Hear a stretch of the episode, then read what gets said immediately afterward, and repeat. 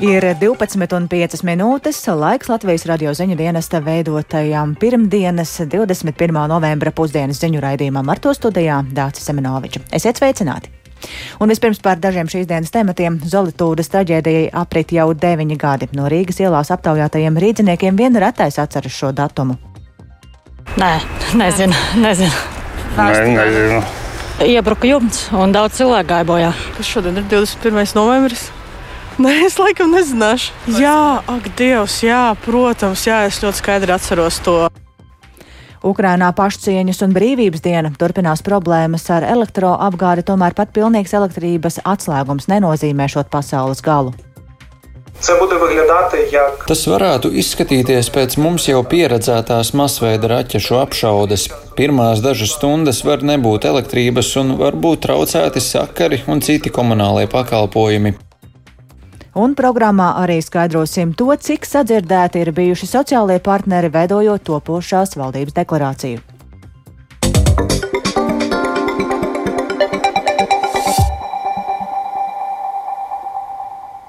2013. gada 21. novembris bija diena, kad Zolitūdē iebrukot lielveikala Maksima jumtam dzīvību zaudēja 54 cilvēki. Šo traģēdiju nespēja aizmirst bojā gājušo tuvinieki un cietušie. Un arī pie Rīgas pašvaldības ēkām šodien karogi sēru noformējumā, lai pieminētu traģēdijā bojā gājušos. Taču vai pēc deviņiem gadiem arī sabiedrībai šie notikumi šķiet neaizmirstami? Linda Spundeņa devās Rīgas ielās, lai noskaidrotu cilvēku atmiņas par traģēdiju. Vai jūs zināt, kas šodien ir par dienu? Pirmdiena. Pirmdiena, 21. novembris. Varbūt jūs atceraties, kas ir noticis Latvijā 21. novembrī? Nē, nezinu. nezinu. Nē, nezinu. Nu, tur, kā jums saka, krīst deviņi cilvēki vai cik tur bija. Nezinu. Neatceros. Neko daudz neatceros. 54 cilvēki zaudēja. Nu, Tur uh, iebruka jumts un daudz cilvēku gāja bojā. Šodien jau deviņi gadi. Vai jūs atceraties, ko jūs darījāt pirms deviņiem gadiem šajā dienā, vai sakojāt līdzi? Mm, tā, ziņas skatoties, sakoja. Bet tā, nu, tā, kad es turēju baigi būt iedziļinājusies, kas tur notiek, kā tur notiek. Ne. Kas šodien ir 21. novembris? Nē, es laikam nezināšu. Vai jūs esat ko dzirdējis par uh, Maksimas traģēdiju Zolotūdu? Jā, ak, Dievs, jā, protams, jā, es ļoti skaidri atceros to dienu. Es tieši biju mājās, un uh, es atceros, kad uh, es skatījos visu dienu, nu, tā kā tiešraidi, un kad visu laiku tika nu, paziņots, vēl viens miris cilvēks, vēl viens miris cilvēks atrasts. Līdz bija, man liekas, 54 cilvēkiem. Es atceros, ka man par to pastāstīja māsa sākumā. Par laimi manējiem radiem un draugiem viss bija kārtībā, protams, par to prieks, bet, nu, sakojam līdzi, kas notiek. Jums bija paziņas no tās puses, radi draugi, jūs teicāt, no Zalitodas tieši? Jā, mums bija viens draugs tur dzīvo un uh, vecmammai māsa. Un tad par viņu mēs tā domājam, vai viņai viss kārtībā. Un... Sanāk aizmirst šo dienu. Jā. Bet vai notikumus, vai tieši konkrēto dienu, kad tas notika? Konkrēto dienu, jo tā par to ik pa brīdim tiek runāts. Pozolitūdijā. Es ļoti spilgti atceros to vakaru. Es nācu no darba, tad vēl strādāju, vai ne? Un arī bija nu, vakars ap sešiem jau tumšs bija. Tur rādīja, un uzreiz jau drīz teica pēc pieciem kaut kur. Tad man meita bija Vācijā, tad tūlīt zvadīju un stāstīju, ka šausmas mums Latvijā. Vai, vai jūs tur kaut kur tuvumā bijāt, vai jūs vienkārši Nē. jutāt līdzi? Nē, es šeit centrā dzīvoju. Tā bija, man liekas, piekdiena pat. Šodien nodomāju, kaut kas līdzīgs šodien ir tam laika apstākļu ziņā. Kā jums šķiet, kas ir tas iemesls, kādēļ varbūt daudz šo datumu neatceras? Nezinu, visi pārsvarā aizņemti ar savām rūpēm, dienām un nedienām. Ko atceramies? Visi no mēdīja, ko ziņoja, pārdzīvojums, eh, neizpratne un nu, viss tālāk veļošais ar notikumiem, atkritīšanos no atbildības un tam līdzīgi. Par ko tas viss ir pārvērties, tas, protams, ir fars no likumiskā viedokļa ar atbildību uz vienu, diviem cilvēkiem. Pārējie, protams, pēc ķepiņas neko nezina. Papīru kalni, tiesvedību garumi. Allaž viņas noved pie kaut kāda absurda un tikai ar traģēdiju viens ģimenes ietvaros, kur ir zaudēti cilvēki. Piederīgie. Un, protams, nāk lielākas ziepas, un šīs ir atkal aizmirsušās. Tā ir pagājuši deviņi gadi, un es domāju, ka tā ir cilvēka skumst un sērot savos dzīvokļos. Kā dzirdējām, tad iedzīvotāji pieminot traģēdiju runā arī par tiesas procesu, kas joprojām nav noslēdzies, un šobrīd man studijā pievienojas kolēģi Linda Spundiņa, kura ir tad gatava atgādināt par to, kā sokas ar atbildīgo meklēšanu tiesas ceļā. Sveika, Linda! Sveika, Dārts! Labdien, radio klausītāji! Jā, tad atgādina vispirms to, kādā stadijā šobrīd ir Zolotūdas traģēdijas krimināla lieta. Jā, kā jau mēs eh, šodien runājam, jau aprita deviņi gadi Zelītūdas traģēdijai, un eh, tiesas process joprojām norit un joprojām meklējam atbildīgos šeit traģēdijai.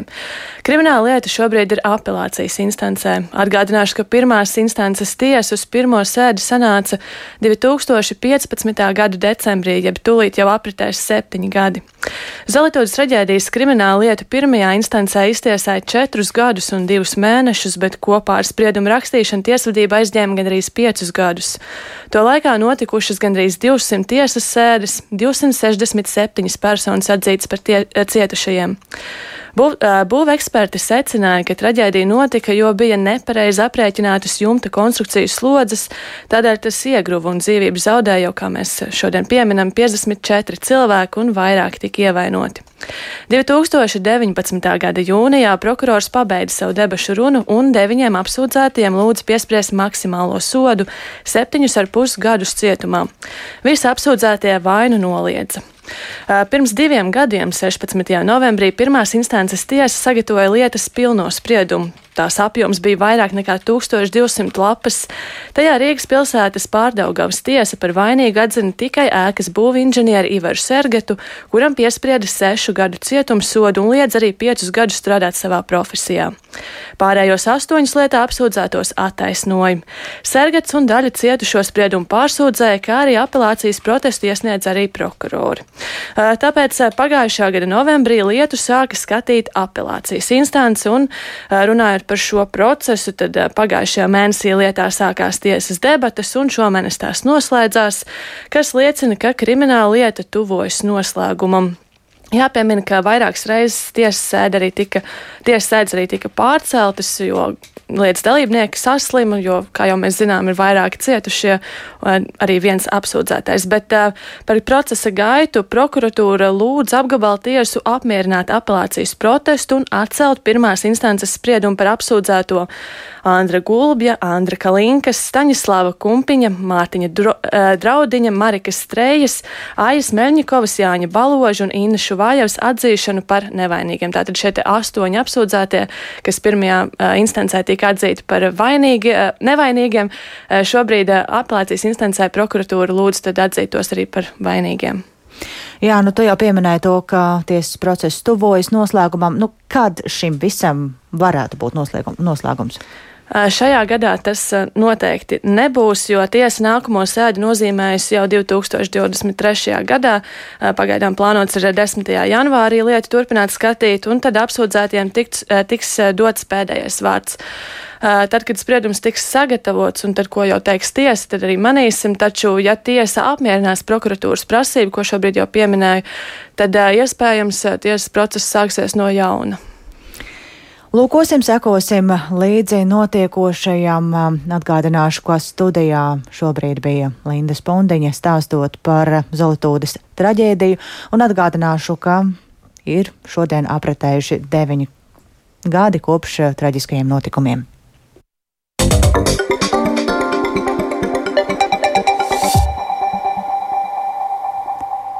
Ukrainas lielākās vērtības ir vienotība un brīvība, un šī gada laikā Ukraina ir demonstrējusi, cik augstu tās vērtē. Par to ir paziņojis Ukrainas prezidents Valdemirs Zelenskis, sveicot iedzīvotājus pašcieņas un brīvības dienā. Prezidents solījis atjaunot valsti un uzvarēt karā. Viens no galvenajiem uzdevumiem ir rūpēties arī par iedzīvotājiem, kuri ar vien asāk izjūt elektroenerģijas piegāžu traucējumus, un vairāk par aktualitātēm no Ukrainas stāsta Ūģis Lībietis. Ukrainā šodien tiek atzīmēta pašcieņas un brīvības diena. Tieši šajā dienā, 2013. gadā, aizsākās Ukraiņas iedzīvotāju protesta akcijas pret tā brīža prokrieviskās Ukraiņas vadības nevēlēšanos parakstīt asociācijas līgumu ar Eiropas Savienību. Tieši ar šīm akcijām arī aizsākās tā dēvētā pašcieņas revolūcija, kuras laikā Janukovičs tika gāsts. Ukrainas prezidents Valdemirs Zelenskis šodien savā telegramu kanālā uzsvērs, ka arī šajā kara šausmu pilnajā gadā Ukrainai visu izdosies pārvarēt, pārdzīvot un galvenais izdosies uzvarēt. Īpašā video valsts iedzīvotājiem Zelenskis norādījis, ka šajā dienā Ukraiņi atkal sapulcēsies neatkarības laukumā Kīivas centrā, jo tieši šajā vietā vienmēr ir aizsargāta savu pašcieņu un brīvību, kas joprojām ir svarīgākie Ukrainas tautas ģenētiskajā kodā ierakstītie vārdi. da só. Ми завжди про це пам'ятали і не маємо права забути. Vienotība un brīvība. Mēs par tām vienmēr esam iestājušies, un mums nav tiesību tās aizmirst. Mēs vienmēr tās esam cienījuši, un mūsu pienākums ir tās aizsargāt. Mēs vienmēr esam zinājuši, ko gribam, bet šogad visi arī redzēja, ko mēs varam. To redzēja gan draugi, gan ienaidnieki, gan sabiedrotie un partneri. Pārmainījāmies arī mēs paši, daži pirmo reizi, taču visi kopā mēs esam stāstījuši un turpinām stāstīt stāstīt, ka vienotība un brīvība mums ir svētas. Tas ir palicis nemainīgs un tagad ir iespējams redzēt, cik vērti ir Ukraiņi. Statņi, Ukraiņi! Zelenskis arī norādījis, ka tiks darīts viss iespējamais, lai pārvietotu tos cilvēkus, kuriem šāda palīdzība ir nepieciešama. Un iestājoties ar vien augstākam laikam, Ukrainā pieaug satraukums par iespējām pārlaist ziemu, jo elektropiegādes traucējumi tiešām kļūst ar vien jūtamāki un biežāki. Turklāt nedēļas nogalē satraukumu palielināja arī privātās enerģētikas kompānijas DTEK vadītāja Maksima Timčenko teiktais raidsabiedrībai BBC, kurā viņš izteicās, ka cilvēkiem būtu jāapsver iespēja izceļot no valsts uz dažiem mēnešiem mēnešiem, lai palīdzētu samazināt pieprasījumu Ukrainas energotīklā. Tagad gan kompānija taisnojas, ka Timčenko nesot aicinājis iedzīvotājs izbraukt no valsts, jo ārkārtas situācijas enerģētikā īsti nesot. Jebkurā gadījumā gan Ukrainas prezidents Zelenskis, gan citi varas iestāžu pārstāvji uzsver, ka tiek darīts viss iespējamais, lai situāciju stabilizētu. Kā intervijā Ukraiņas vienotajam ziņu maratonam norādījis kompānijas Ukra energo vadītājs Volodimirs Kudrītskis, pat ja šajā ziemā Ukrainā iestāsies pilnīgs elektrības atslēgums, jeb angļuiski saukts blackouts, tas vēl nenozīmēs pasaules galu. Це буде виглядати як такі вже Zvik, ne te šo zvičņā, vidomi nam. Tas varētu izskatīties pēc mums jau pieredzētās masveida raķešu apšaudes. Pirmās dažas stundas var nebūt elektrības un var būt traucēti sakari un citi komunālie pakalpojumi. Šī situācija būs kā īpašs uzdevums enerģētiķiem un citiem kritiskās infrastruktūras operatoriem.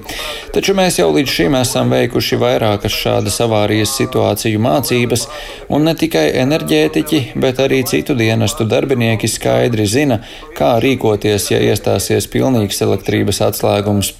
Vēl gan nekur nav teikts, ka šajā sezonā mēs ar pilnīgu elektrības pārrāvumu saskarsimies. Bet runājot par kardarbības turpināšanos, Zelenskis ir paziņojis, ka visīvākās kaujas joprojām notiek Donetskas apgabalā, lai arī slikto laikapstākļu dēļ uzbrukumu skaits esot nedaudz samazinājies, apšaudas joprojām notiek ārkārtīgi bieži. Lēnām notiekot virzīšanās uz priekšu arī Luhanskas apgabalā, bet dienvidu virzienā ar rūpīgu aprēķinu tiekot iznīcināts ienaidnieka potenciāls. Uģis Lībijams, Latvijas Radio.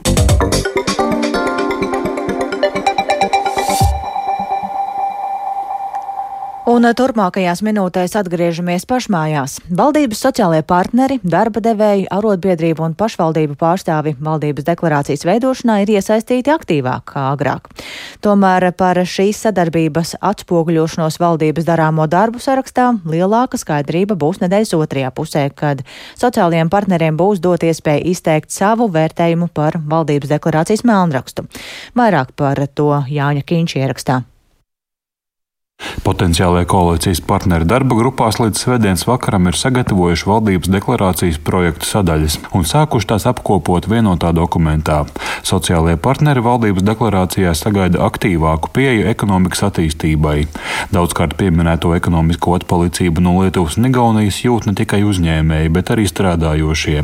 To uzsver Latvijas darba devēja konfederācijas prezidents Andris Bitte. Pēc viņa teiktā, biznesa vide ir jāuzlabo ar darba spēku nodokļu sloga mazināšanu ar pārdomātu energoresursu izmaksu politiku un ar birokrātijas mazināšanu. Spērt šādus soļus kaut vai padarīt darbspēku nodokļus konkurētspējīgus ir absolūti nepieciešams solis, lai šeit attīstītos uzņēmējdarbība. Jo nav normāli, ka vidēja lieluma fabrikai tikai uz šiem eh, nodokļu starpības, teiksim, vai uzņēmums atrodas Lietuvā vai Latvijā vai Igaunijā, gadā Latvijā uzņēmējs samaksā vairāk kā miljonu eiro vairāk. Līdz ar to viņš vai nu nesamaksā darbiniekam algās to summu, vai aiziet pelētā ekonomikā, vai neattīstās. Un no šādiem praktiskiem apstākļiem veidojās tas, ka mēs atpaliekam. Latvijas Brīvo arotbiedrību savienība ir mudinājusi topošās valdības deklarācijā iestrādāt mehānismus inflācijas seku mazināšanai, nodrošinot kompensējošus mehānismus visai sabiedrībai. Izmaksu pieauguma seku mazināšanu aizējošā valdība iestrādāja ar energoresursu daļēju izmaksu pieaugumu kompensēšanu. Šo pasākumu turpinājumu un krīzes smagumu mazināšanu strādājošajiem sagaida arotbiedrību savienības vadītājs Egils Baldzēns.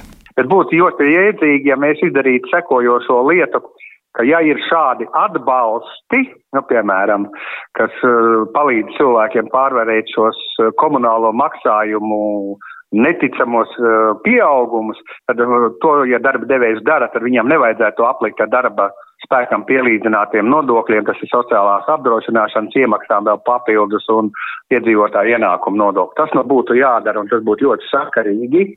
Reģionālās attīstības un pašvaldību jautājumu atspoguļošanā nākamās valdības darba plānā ir iesaistīta arī Latvijas pašvaldību savienība, iztrūkstot vien pārstāvju izglītības sadaļas jautājumu apspriešanā. Sagatavotās deklarācijas melnrakstu apspriest būs ļauts šīs darba nedēļas beigās. Latvijas pašvaldību savienības priekšsēdis Gins Kaminskis ir cerīgs. Tas, ko mēs esam gan sarunās ar ministriju runājuši, gan dažādos citos formātos, es domāju, ka tas tiek sadzirdēts par reģionālo attīstību, par kopējo Latvijas teritorijas pārvaldību, par pašvaldību finanšu stabilitāti, par informācijas tehnoloģiju attīstību, par uh, pakalpojumu kvalitātes nodrošināšanu. Un um, tad, kad būs arī šis melnraksts sociālajiem sadarbības partneriem uz priekšlikumu izteikšanu, es domāju, ka, ja izdodas izstrādāt kvalitatīvu šo deklarāciju, tad arī šis darbs jau varētu būt tiešām kvalitatīvs nākotnē. Valsts prezidents Egils Levits ar koalīcijas veidošanas sarunu vadītāju premjeru Krišānu Kariņu par nākamās valdības deklarāciju tiksies otrdien priekšpusdienā. Pēc šīs tikšanās varētu sekot oficiāls aicinājums Kariņam veidot nākamo valdību. Tad jau drīzumā līdztekus valdības deklarācijas izstrādāšanai sagaidām arī konkrētu ministru kandidātu nominēšana. Jānis Kincis, Latvijas Radio.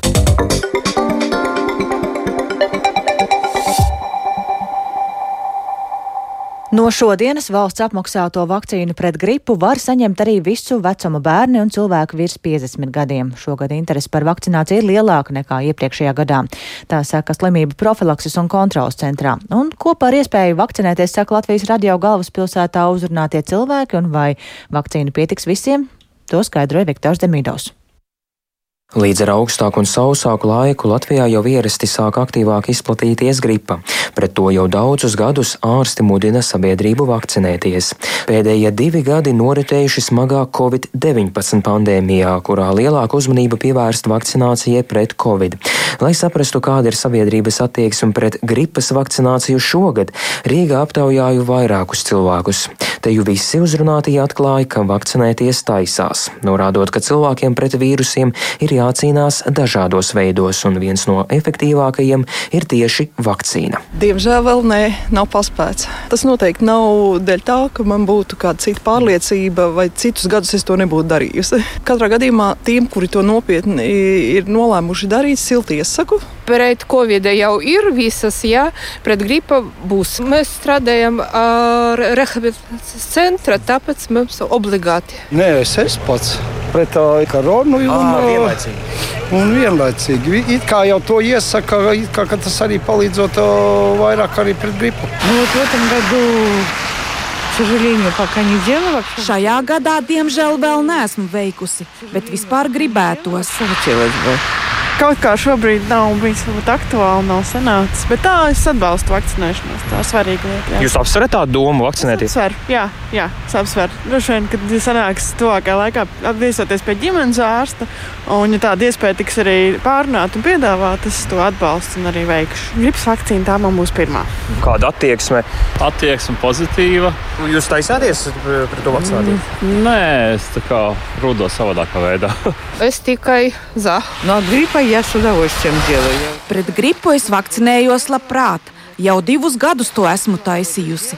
bet šogad kaut kā nav sanācis. Gribu tas ir noteikti. Ja pats to nē, tad padomā par apkārtējiem, par bērniem un par pārējiem. Līdz novembra sākumam pret gripu vakcinēti gandrīz 63 tūkstoši cilvēku. Lai nodrošinātu plašāku sabotāto skaitu, valsts ir paplašinājusi sarakstu, kas vakcīnu var saņemt bez maksas. No šodienas tas attiecas arī uz bērniem līdz 17 gadiem, ieskaitot un cilvēkiem virs 50 gadiem. Latvijas televīzijā izskanēja informācija, ka pastāv bažas, ka visiem valsts apmaksātu pošu var nepietikt. Slimību profilakses un kontrolas centrā norāda, ka cilvēka interese šogad ir lielāka nekā iepriekšējā gadā.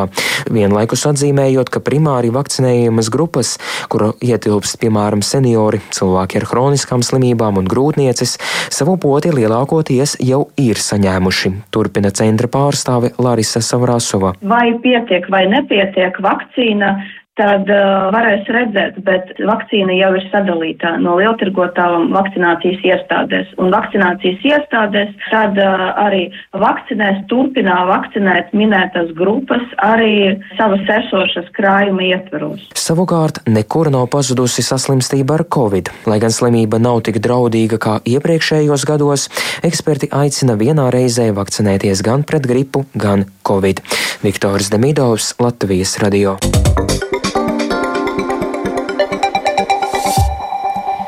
Un, lai ar jauniešiem runātu par mediju pratību, Liepājas izdevniecības kurzemes vārds redaktore Anda Pūča šobrīd aktīvi apmeklē Liepājas skolas.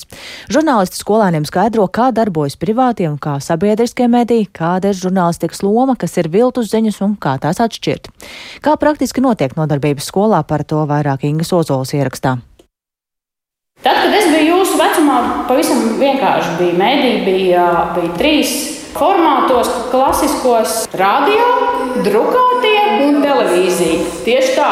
Un tagad, kad jūs pazīstat internetu, Tagad formātu ir daudz vairāk. Sarunās ar skolēniem uzsver žurnāliste Anna Pūce, skaidrojot, ka mediju saturs vairs nav koncentrēts vienās rokās, bet daudzās sociālo tīklu platformās. te rodas tā problēma, kas ā, ļoti bieži sabiedrību var maldināt kaut kādu informāciju. Jo tas izskatās pēc žurnālistikas, mēdī darba, bet patiesībā tas var būt gan maldinošs ieraksts, gan ieraksts, kas nav pārbaudīts vai nekorekts.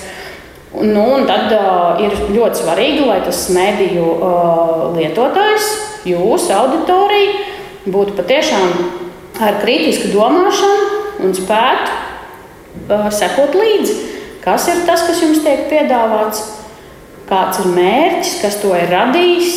Tikai tā jūs varat saprast, kā uz to reaģēt un ko ar šo informāciju darīt. Tā Liepājas 8. vidusskolas 11. klases skolēniem saka Anna Pūce. Jautāja skolēniem, kur viņi iegūst informāciju. Nu, piemēram, kādos portālos vai kādā lūdzu.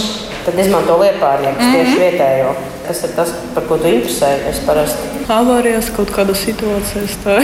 Kur jūs parasti lasāt ziņas? Liepainiekos vai Apollo? Kas ir ar televīziju, radio? Nē. Uzsākot nodarbības par mēdīju pratību Liepājas skolās, piemēram, Liepājas valsts pirmā ģimnāzija izrādījusi interesi strādāt kopā ar žurnālisti jau padziļināti, turklāt veselu mēnesi. Viens no projekta mērķiem ir saprast, kā tieši par mediju pratību runāt skolās. Un iespējams, tas var būt par pilotu projektu, ko var attiecināt arī uz citām skolām. Bet tas pirmais, ko es redzu, ka dzīves žurnālists, dzīves mediju pārstāvis, kurš sarunājas ar skolēniem, ir milzīgs ieguvums. Anna Pūce uzsver, ka tieši jaunieši būs tie, kuri varēs palīdzēt saviem vecākiem orientēties informācijā. To apliecina tikšanās ar skolēniem. Vislabāk skolēni izprot notiekošo, kad paši veido mēdīju saturu praktiskās nodarbībās. Ingozola Latvijas radio kurzemē. Un ar to izskan ziņu dienesta veidotā programma Pusdiena. Producents Viktors Pupiks ierakstus montēja Renārs Šteimanis par labskaņu rūpējās Katrīna Bramberga un ar jums sarunājās Dācis Simenoviča. Vēl īsi par svarīgāko Zolitūdas traģēdijai aprit jau deviņi gadi. No Rīgas ielās aptaujātajiem rīdziniekiem vienrētais atceras šo datumu. Ukrainā pašcieņas un brīvības diena turpinās problēmas ar elektroapgādi un sociālie partneri prasīgi un cerīgi par topošās valdības deklarāciju. Mūsu ziņām var sekot līdzi arī Latvijas radio viens Facebook lapā, tāpat arī sabiedrisko mediju portālā LSMLV un raidījuma atkārtojums arī raidierakstu platformās, kas atrodams kā dienas ziņas. Yeah.